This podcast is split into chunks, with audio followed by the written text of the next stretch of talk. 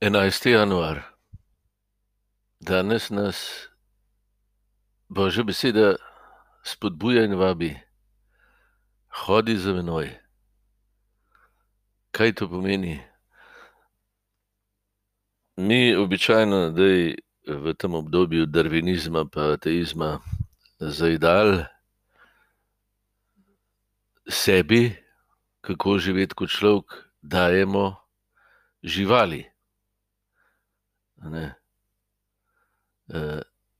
Bog nam je pa pokazal, da je naš vzor Kristus. Naša človeškost se uresniči, če če jo živimo na božji način, tako kot Jezus Kristus, ne na živalski način.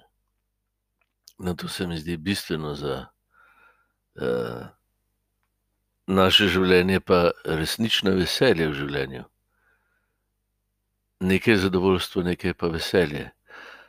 In današnje povabilo je živeti iz njega, za njim, zanj. To pa ne pomeni, da ne živim za ljudi. Jaz za Boga živim, ko živim za ljudi, ampak imam popolnoma drugo držo. Če hodim za njim, je moje glavno vprašanje vsak dan: "Gospod, kako bi ti to stvar, kako ti vidiš?" Recimo prideš v konflikt, prideš v hladilnik, z ženo popolno nerazumevanje in tako naprej, vsak po svoje vzgajata. Zdaj, hodim za njim lahko tako, da rečem: "Gospod, hvala ti, da je točno tako, kot jaz nočem, pa da moja žena dela ravno to, kar jaz nočem, pa da moj otrok, izgleda zdaj v puberteti, da je moj sovražnik, da me sploh ne mara, pa da me žena skozi ponižuje, se ti zahvaljujem za vse to." Sprejemam. kaj me potem želiš naučiti? Kaj mi podarjaš v resnici potem? Morda me prav moje slepe pege ozdravljaš, ki je ne vidim.